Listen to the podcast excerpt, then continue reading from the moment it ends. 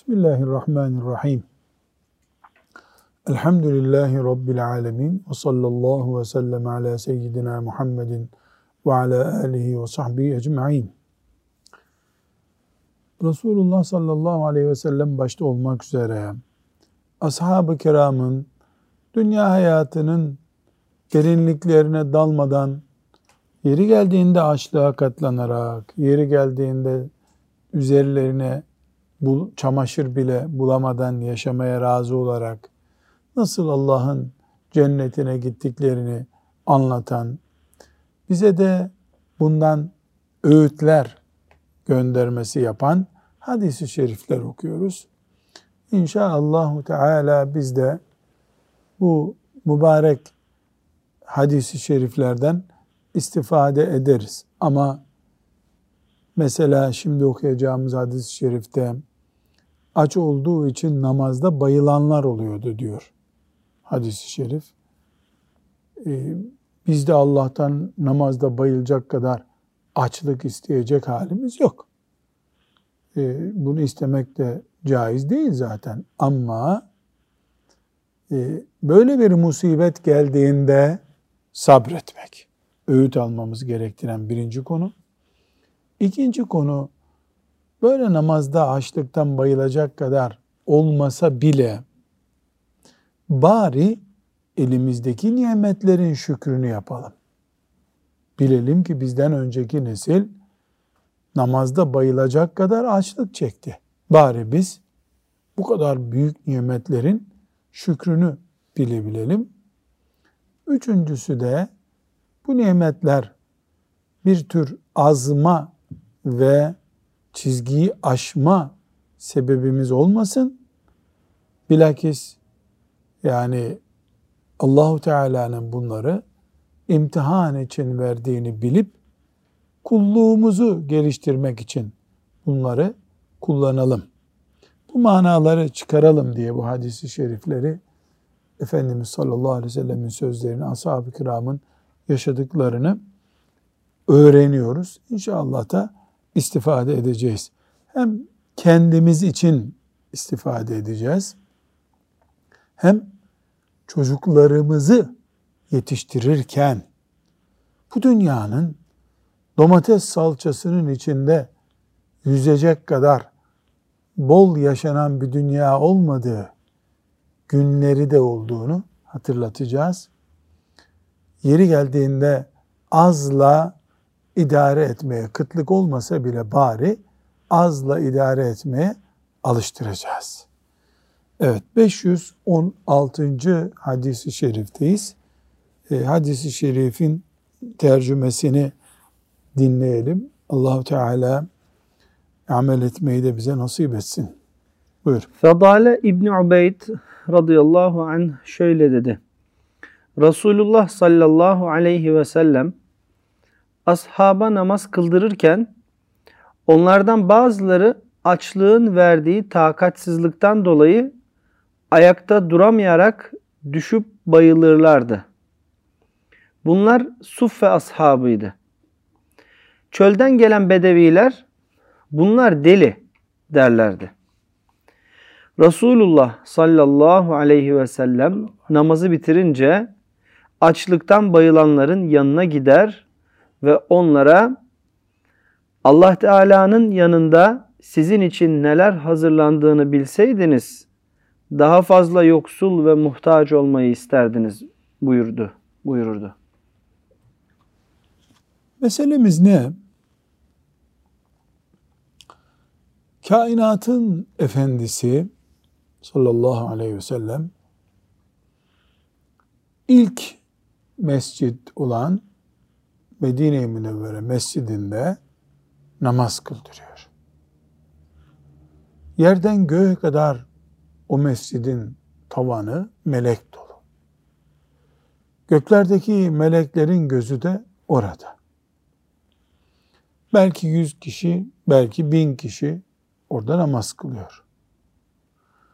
Namaz kılarken biri üçü bayılıyor. Ama niye bayılıyor? Açlıktan. Ayakta duramıyor. Bu olayın olduğu yer çok önemli. Rahmeten lil alemin, kainatın efendisi, Peygamber sallallahu aleyhi ve sellemin mescidinde oluyor.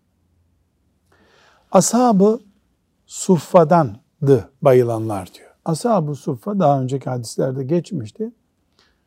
Medine'de kimsesi olmayan fakirlerin barındığı yurt dedik biz ona. Mescid-i Nebi'ye çok yakın. Orada yiyorlar, içiyorlar. Orada uyuyorlar. Kur'an-ı Kerim öğreniyorlar. Peygamber sallallahu aleyhi ve sellemin yanı başında duruyorlar.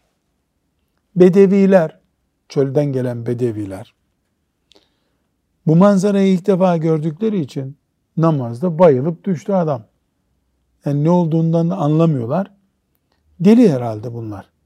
Deli düştü yere diyorlar.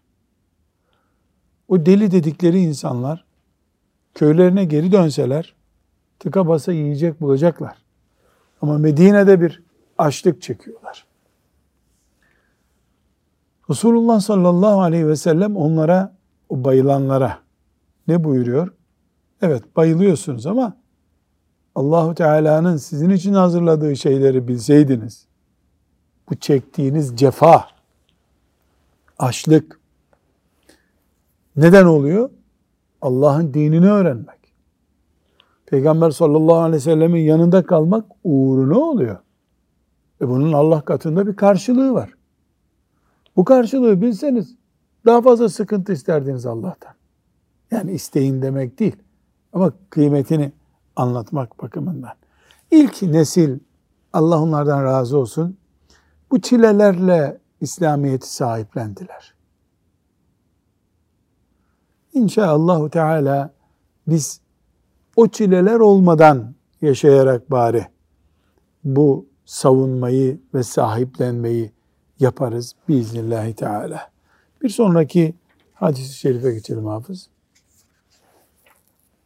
Ebu Kerime Miktat İbni Ma'di Kerib radıyallahu anh'ten rivayet edildiğine göre Resulullah sallallahu aleyhi ve sellem şöyle buyurdu. Hiçbir kişi midesinden daha tehlikeli bir kap doldurmamıştır. Oysa insana kendini ayakta tutacak birkaç lokma yeter. Şayet mutlaka çok yiyecekse midesinin üçte birini yemeye, üçte birini içeceğe, üçte birini de nefesine ayırmalıdır. Şimdi bütün mümin kardeşlerimize bu hadisi şerifi bu Ebu Kerime Mikdad İbni Mek, e, Mikdad Ma'di Kerib radıyallahu anh'ın rivayet ettiği bu hadis-i şerifi böyle bir takvim yaprağı gibi bir şeye yazıp mutfaklarının yemek masasının üstüne koymalarını tavsiye ederiz. Biraz ekonomik durumu iyi olanlarsa bunu bir tabelacıya gidip bu şekilde böyle işte evde çok büyük olmayacak şekilde bu 50-60 santimlik bir tabela yaptırıp mutfağın 2-3 yerine asmasını tavsiye ederiz. Çocuk biberonu bıraktıktan sonra bu şuurla yetiştirilsin deriz. Bugün tıpta Peygamber sallallahu aleyhi ve sellem'den 14 asır sonra geldi. İnsanlara bunu tavsiye ediyor. Efendimiz sallallahu aleyhi ve sellem çok açık ne buyuruyor? Burada üç gerçekten söz ediyor efendim. Birincisi insanın en büyük belası midesidir diyor. Mide, mide, mide. En büyük bela. Doldurduğun kaplar içinde mide gibi belalı bir kap yok. Bir. İki, bu da çok büyük bir kanun. İnsana birkaç lokma yeter aslında. Evet mide büyük ama birkaç lokma yeter. Üçüncüsü bir bölü üç. Bir bölü üç, bir bölü üç diyor Efendimiz sallallahu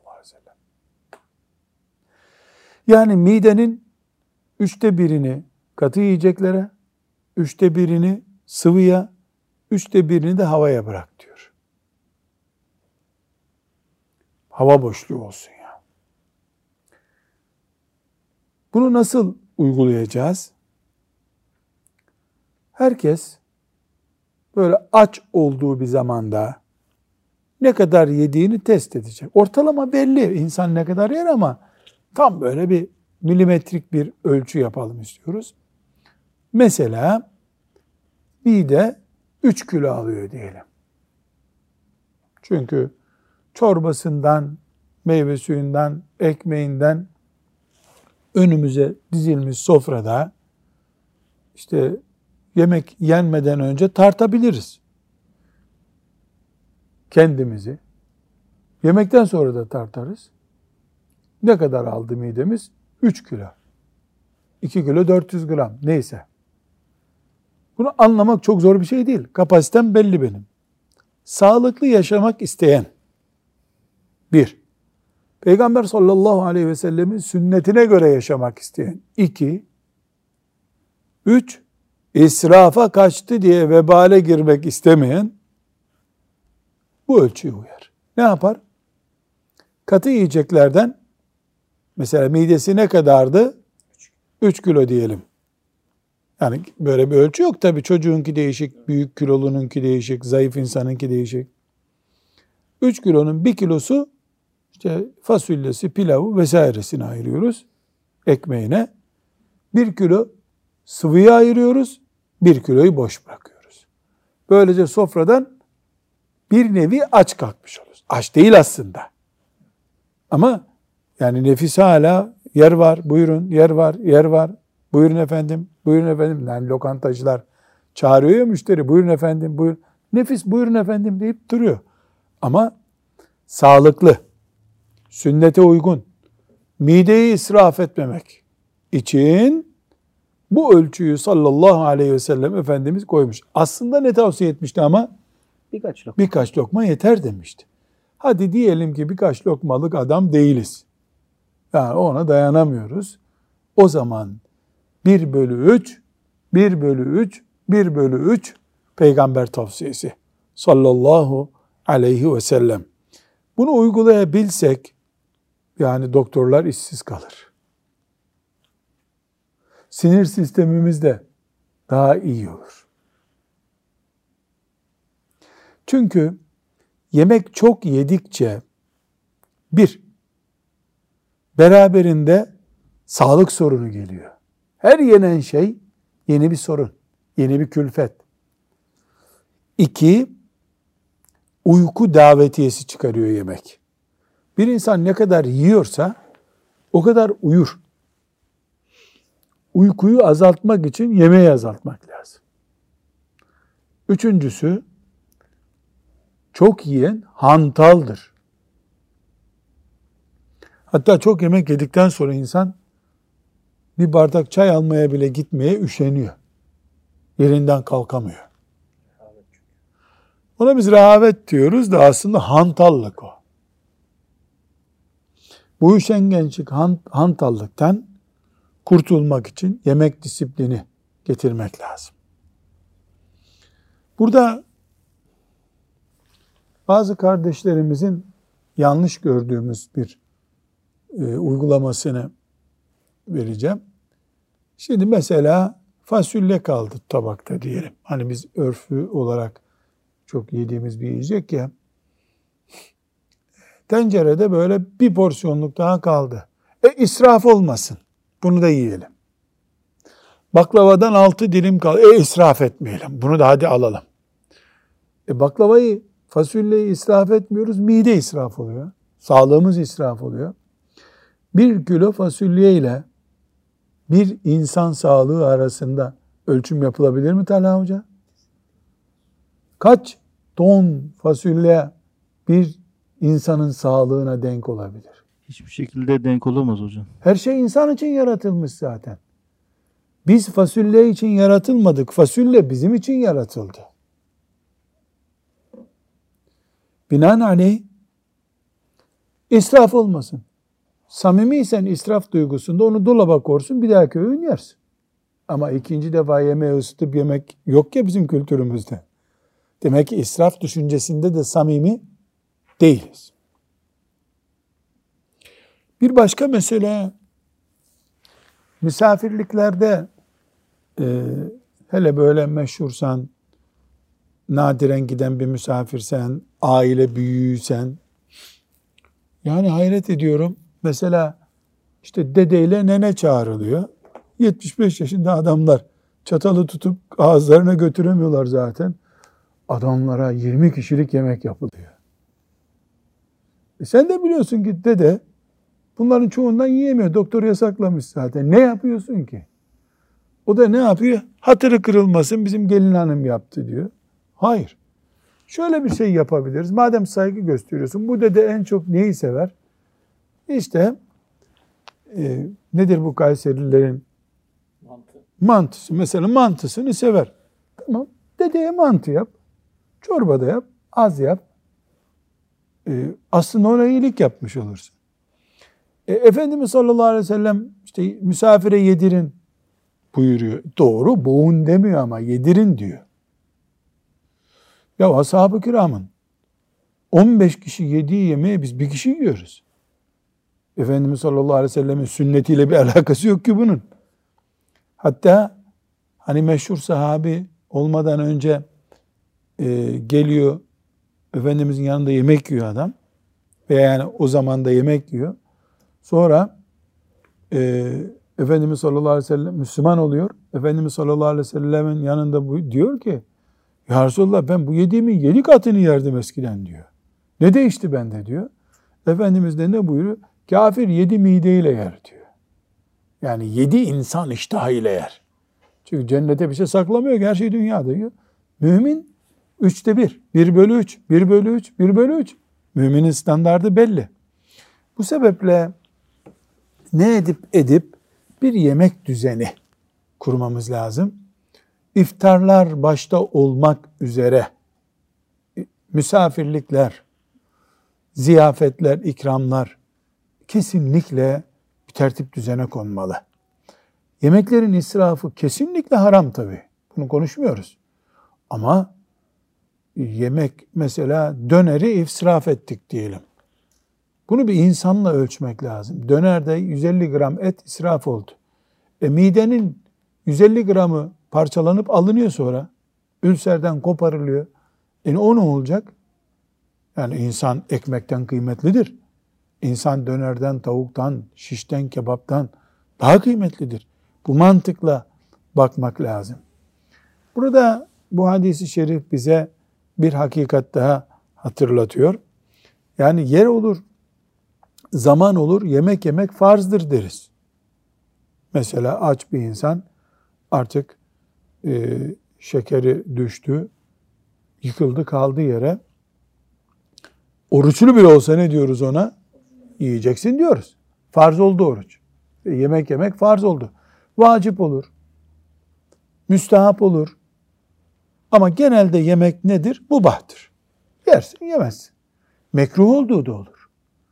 Mesela e biraz da baklava yemeyecek misin? E bir maden suyu içelim öyle baklava yeriz. Niye? Yer kalmadı. Sifonu aşağı itecek şimdi. Bu mekruh. Mekruh. Doktor dedi ki işte sen bu yemekten yemeyeceksin. Haram. Haram. E doktor fetva mı veriyor? Fetva vermiyor. Hayatın gerçeğini hatırlatıyor. Allah sağlığınızı koruyun buyurdu. Doktorda nasıl koruyacağımızı açıklıyor.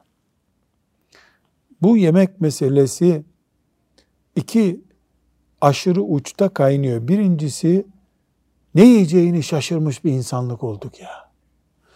Biz geçen Salih Hafız'la bir yerden geliyoruz. Ve motosiklet kullanan birisi bir elle motosikleti kullanıyor. Ee, Salih Hafız da bizim arabamızı kullanıyor. Ee, başka bir arkadaş arabada dedi ki herhalde telefonla konuşuyor bu dedi. Otobanda motosiklet kullanıyor. Ee, yanından geçerken baktık cips yiyormuş. Yani bir eliyle mobileti kullanıyor. Öbür elinde cips var. Onu ağzına nasıl koyuyordu Salih o? Yani insanoğlu delirdi. Ya mobilet, motosiklet kullanırken cips yenir mi ya? Sakız bile çiğnenmez insanın dikkati dağılır. Ne yiyeceğini şaşırdı insanoğlu. Bu Allah sonumuzu hayır etsin diyeceğimiz bir şey. Benim çok önemsediğim, bir türlü de kendimizde de dahil önleyemediğim, bu ne yiyeceğimizi şaşırmışlığımıza dinimizi de alet ediyoruz. Bu da tehlikeli bir şey. Ramazan iftarlarında mesela. Mesela ziyafetlerde, ikramlarda, dinimizde buna alet ediyoruz. E, Efendimiz sallallahu aleyhi ve sellem e, yedirin buyurdu ama hastanelik edin demedi ki. Bir nefis azması söz konusu burada. E, bunlardan Allah'a sığınmak lazım. Evet. Bir sonraki hadisi şerif 518. hadisi şerife geçelim. Ebu Umame İyas İbn Tha'lebe el-Ensari el-Harithi radıyallahu anh şöyle dedi. Bir gün Resulullah sallallahu aleyhi ve sellemin ashabı onun yanında dünyadan bahsettiler. Dünyadan bahsettiler ne demek yani yuvarlaktır, eksendir böyle değil. Dünya nimetleri, zevk. Mal, mülk, ev, işte sebzeler, ne hurma, ne konuştularsa. Bunun üzerine Resulullah sallallahu aleyhi ve sellem şöyle buyurdu. Siz işitmiyor musunuz? İşitmiyor musunuz? Sade yaşamak imandandır. Sade hayat sürmek imandandır. Yani burada Efendimiz sallallahu aleyhi ve sellem yani dinden çıktınız, nasıl böyle konuşursunuz buyurmuyor. Yani abartmayın, sade yaşayın. Sade yaşayın. Sade yaşadıkça imana uygun daha iyi yaşarsınız. Lüks yaşamak farzdır diye bir şey yok. Haramdır diye de bir şey yok. Ama sade yaşayanın işi daha kolay. Daha kolay. Evet. Burada uzunca bir hadisi şerif var. Ee, Cabir bin Abdullah'tan rivayet ediliyor. Yine bir kere daha e, ashab-ı kiramı Allah onlardan razı olsun. Örnek olarak dinleyeceğiz. Ee, Aşere-i Mübeşşere'den olan Ebu Ubeydet İbnül Cerrah radıyallahu anh'a ait çok muhteşem bir hatıra var. Yani içimden geçiyor ki hiç böyle dokunmayayım da tatlı bir bereketiyle inşallah iz bıraksın Salih Hafız. Sadece oku, yorum yapmayalım bu hadis-i şerifte. Ebu Abdullah Cabir İbni Abdillah radıyallahu anhuma şöyle dedi. Resulullah sallallahu aleyhi ve sellem Ebu Ubeyde radıyallahu anh'ı başımıza kumandan tayin ederek Kureyş kervanının karşısına çıkmak üzere bizi gönderdi. Bize azık olarak bir dağarcık hurma verdi. Dağarcık nedir? Poşet. Kaç 10 kişi göndermiş onlara da bir poşet hurma vermiş. Verecek başka bir şey bulamamıştı. Ya Rab ordu gönderiyor. Azık olarak bir poşet hurma verebiliyor. Ebu Ubeyde hurmayı bize tane tane veriyordu. Şunu okusana bir daha Salih. Neyi? Ebu Ubeyde hurmayı bize tane tane veriyordu. Nasıl hurmayı tane tane veriyordu? Yani sıra sıra paylaştırıyor tek tek. Nesin ya? Şeftali kadar mı hurma? Hurma neye benziyor bizim bitkilerden? Ağustos eriğine büyük hurmalar var. Zeytin yok. Zeytin çok küçük. Eriğe benziyor. Yani erik hacminde. Bir de bu küp eriği diye bir erik var böyle. Hurma ona da benziyor. Ağustos eriği, küp eriği gibi. Yani kaç gram gelir? 10 gram gelir mi bir erik? Yok gelir. 20 gram da gelir. Bir kişiye günde bir erik veriyor. Şey bir hurma veriyor. Ya Rabbi. Dinleyenlerden biri o hurmalarla nasıl geçinebiliyordunuz diye Yani na- sordu. nasıl yetiyordu ki size hurma? Cabir onları çocuğun meme emmesi gibi emer sonra üzerine su içerdik. O gün geceye kadar bize yeterdi. Ya Salih bir daha oku bunu. Oynuyor mu bunlar? Ne yapıyorlar ya? Onları çocuğun meme emmesi gibi emer Hurmayı meme emer gibi emiyor. sonra üzerine su içerdik. E o kadar tatlı yedikten sonra tabii su, su da içiyorlar. O gün geceye kadar Allahümme bize yeterdi. Muhammed. O gün geceye kadar bize yeterdi.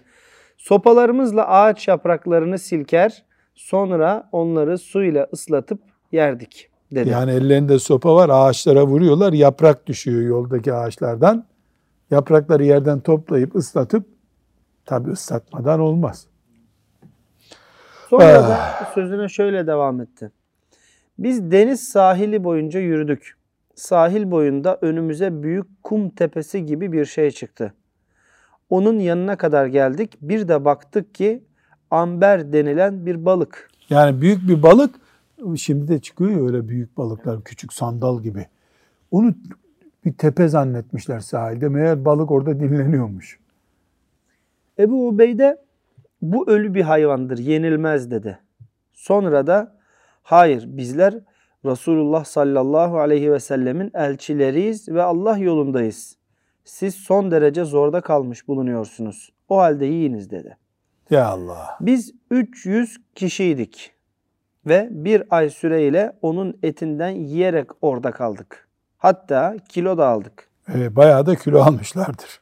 Balığın göz çukurundan testilerle yağ aldığımızı biliyorum. Ya Erhamer Rahimin balığın göz çukurundan bir testi yağ almışlar. Biz ondan öküz büyüklüğünde parçalar kesiyorduk. Ebu Ubeyde bizden 13 kişiyi alıp onun göz çukuruna oturttu. Onun kaburga kemiklerinden birini de alıp dikti.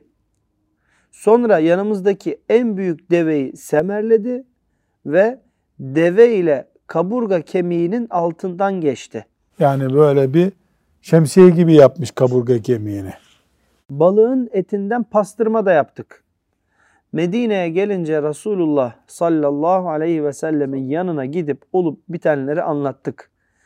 Resul-i Ekrem sallallahu aleyhi ve sellem o Allah'ın sizin için çıkardığı bir rızıktır. Onun etinden yanınızda bir miktar var mı? Bize de yedirseniz buyurdu. Biz de Resulullah sallallahu aleyhi ve selleme ondan bir parça gönderdik. O da yedi. Bu hadis Müslim'de. Bir hikaye dinlemedik değil mi? Bir hadis dinledik. Yani demek ki o zamanlar böyle bir e, küçük gemi gibi balıklar, şimdi de gerçi var.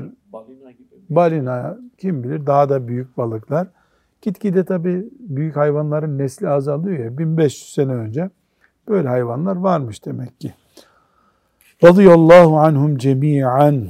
Evet. 520. hadis-i şerifi okuyalım. Esma binti Yezid radıyallahu anha şöyle dedi. Resulullah sallallahu aleyhi ve sellemin gömleğinin kolu bileğine kadardı. Gömleğin kolu bilek neresi? Yani bu kadardı demek. Burada neyi gösteriyor? Böyle uzun yapacak. Mesela şöyle yapacak kumaş yoktu. Onu anlatmak istiyor. Yani bu kadar nereye kadar geliyordu? Bu kadar geliyordu gömleği. Kumaş olsa bu kadar da yapardı. Yani zoraki bileğine yetecek kadar oluyordu demek ki. Sallallahu aleyhi ve sellem. Bir sonraki hadis-i şerife geçelim. Cabir radıyallahu anh şöyle dedi. Biz Hendek Savaşı gününde siper kazıyorduk. Önümüze son derece sert bir kaya çıktı. Sahabiler Nebi sallallahu aleyhi ve selleme gelip siperde önümüze bu kaya çıktı dediler. Ee, Hendek ne zaman, hangi yılda oldu? Hicretin 6. beşinci- senesi. Şimdi 5-6. Hendek'te e, niye kazdılar Hendek'i? Düşman gelip Medine'ye geçemesin. Böyle işte atların sıçrayamayacağı kadar bir boşluk kazdılar. Ee, öbür tarafta da nöbet bekliyorsun. Adam gelince ok attığın için geçemiyor bu tarafa. Bu e, Hendek gazvesinin e, önemli hatıralarından birisini şimdi dinliyoruz. Resulullah sallallahu aleyhi ve sellem ben Hendek'e ineceğim buyurdu. Sonra ayağa kalktı. Açlıktan karnına taş bağlamıştı. Peygamber sallallahu aleyhi ve sellem Efendimiz. Biz üç gün müddetle yiyecek hiçbir şey tatmaksızın orada kalmıştık. Peygamber sallallahu aleyhi ve sellem kazmayı Savaşıyorlar, üç gün hiçbir şey yememişler. Peygamber sallallahu aleyhi ve sellem kazmayı eline aldı ve sert kayaya vurdu. O kaya un ufak olup kum yığınına döndü. Ben ya Resulallah eve gitmeme izin veriniz dedim. Evde eşime ben Nebi sallallahu aleyhi ve sellemi dayanılmayacak bir halde gördüm. Yanında yiyecek bir şey var mı? diye sordum. Eşim biraz arpa ile bir de oğlak var dedi. Ben oğlağı kestim, arpayı da öğüttüm.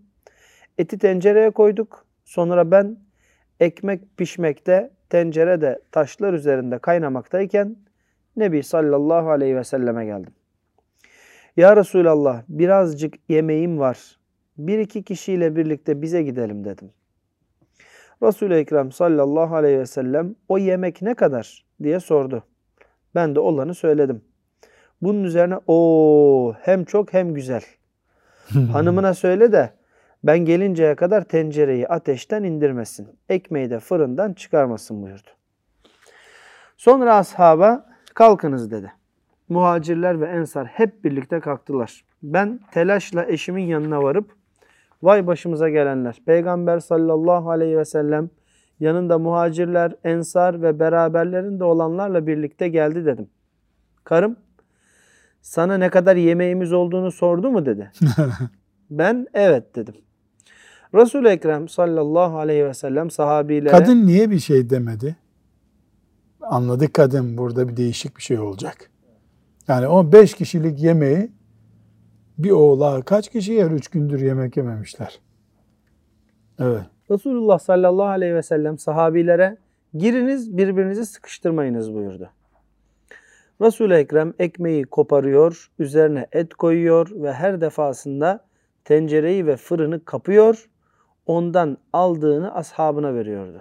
Ya Rabbi bir mucize tabi seyrediyoruz şu anda. Sonra yine aynını yapıyordu. Onların hepsi doyuncaya kadar ekmeği koparıp üzerine et koymaya devam etti. Neticede bir miktar yiyecek arttı. Resulullah sallallahu aleyhi ve sellem karıma bunu ye, konu komşuya da hediye et. Çünkü insanları açlık perişan etti buyurdu. Ya Rahman Bir başka rivayette Cabir şöyle demiştir. Hendek kazıldığı zaman ben Nebi sallallahu aleyhi ve sellem'de açlık gördüm. Hemen eşimin yanına dönüp yanında bir şey var mı? Çünkü ben Resulullah sallallahu aleyhi ve sellemin çok acıktığını gördüm dedim. Eşim bana içinde bir ölçek arpa olan bir dağarcık çıkardı. Bizim bir de besili kuzucuğumuz vardı. Hemen ben onu kestim. Arpayı da eşim öğüttü. Ben işimi bitirinceye kadar o da işini bitirmişti. Eti parçalayıp tencereye koydum. Sonra Resulullah sallallahu aleyhi ve sellemin yanına dönerken eşim bana sakın beni Resulullah sallallahu aleyhi ve sellem ve yanındakilere rezil etme dedi. Bu sebeple Resul-i Ekrem'e durumu gizlice söyleyerek Ya Resulallah küçük bir kuzumuz vardı onu kestik. Bir ölçekte arpa öğüttüm. Birkaç kişiyle birlikte buyurunuz dedim. Bunun üzerine Resulullah sallallahu aleyhi ve sellem ey hendek ehli Cabir bir ziyafet hazırlamış haydi buyurun diye yüksek sesle bağırdı. Peygamber sallallahu aleyhi ve sellem bana dönerek ben gelinceye kadar sakın tencerenizi ateşten indirmeyin, hamurunuzda ekmek yapmayın buyurdu. Ben eve geldim. Peygamber sallallahu aleyhi ve sellem de halkın önünden geldi. Ben eşimin yanına varınca bana ah seni seni dedi. Ben de senin bana söylediğini aynen yaptım dedim. Kadın bu sefer evet. itiraz ediyor tabi. Eşim hamuru çıkardı. Resul-i Ekrem sallallahu aleyhi ve sellem ona püfledi ve bereketli olması için dua etti. Sonra tenceremize yönelip ona da püfledi ve bereketlenmesi için dua etti. Sonra da karıma bir ekmekçi hanım çağır da seninle beraber ekmek yapsın. Tencerenizden yemeği kepçeyle al, onu ateşten de indirmeyiniz buyurdu. Gelenler bin kişiydiler. Allah'a yemin ederim böyle. Güzelce yediler, hatta kalanı bırakıp gittiler. Tenceremiz eksilmeden kaynıyor, azalmayan hamurumuzdan da iki hanım tarafından sürekli ekmek yapılıyordu. Ah, burada tabii iman meselesi bu. Yani kimin imanı varsa o inanacak. Ee, olmayan biri böyle bir mucizeyi kökünden inkar eder yani. Kim, kim ne diyebilir? sallallahu aleyhi ve sellem. Efendimiz aleyhissalatu vesselamın bu mübarek ikazı, yani bu dünya nimetleriyle mahrumiyet yaşayanların üzerindeki bu uygulaması, mucizevi bu uygulama, Allah'ın hikmetleriyle çevrili bir şey. Niye böyle oldu? Niye Allahu Teala başka türlü doyurmadı kullarını da böyle bir mucize gibi bir şeye onları mecbur etti? Bunu bilmiyoruz. Bilmemiz de gerekmiyor zaten. İnşallah iman ediyoruz. İmanımızda da dirilmek istiyoruz. Bu kadar. Yapacak başka bir şey yok. Yalnız bu hadisi şerifte çok dikkat eden bir şey, dikkat etmemiz gereken bir şey var. Bir lider şurada zor bir iş var deyince ben bakayım ona diyor. Bu çok önemli. Şunu çağırın, bunu çağırın demiyor. O zaman ben ineyim çukura diyor değil mi? O inince de melekler göklerden balyozla vurmuş gibi kum yığınına dönüyor kaya. Yani lider bunu yaparsa Allah da yardım ediyor demek. İkincisi e, o zaman da demek ki kadınlar ev idaresini üstleniyorlardı. Bak gidip e, sahabi hazırla gelelim demiyor. Ne verebiliriz peygambere diyor. Bir ev idaresi mantığını açık bir şekilde görüyoruz burada. Bir başka husus daha var. Allah ashab-ı kiramdan razı olsun. Her işi ben yaparım, hazırım diyen adamdılar. Yardımlaşmayı da iyi beceriyorlardı. O hadisin bütününe bakıldığında müminler açken birbiriyle yardımlaşıyorlar. Demek ki sadece Peygamber sallallahu aleyhi ve sellemin açlığıyla ilgilenmiyorlar. Birbirinin açlığıyla ilgileniyor, çıplaklığıyla ilgileniyor, yardıma muhtaçlığıyla ilgileniyor. Yani e, müminlikte bu zaten. Vel müminune vel müminatu ba'duhum evliya'u ba'd. Müminler birbirlerinin kardeşleridirler, velileridirler. Bunu ashab-ı kiram radıyallahu anhum cemiyen uygulamayı becerdiler. Allahu Teala da onlara yardım etti. Bir kere daha Talha Hoca burada vurgulamamız gereken bir şey var. Şimdi biz mesela sen beni çok böyle sıkışmış, iki gündür yemek yememiş görsen, eve gidip bir yemek hazırlatsan, e biz de gelsek, Salih Hafız'ı, Hasan Hoca'yı, Abdullah'ı aldım geldim. Sen de bize bir kişilik yemek yapmıştın. O yemek böyle çoğalacak diye bir kural mı var burada?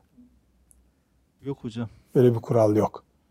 Biz bunu aynısını yaparsak bizim için de aynısı olacak diye dinlemedik.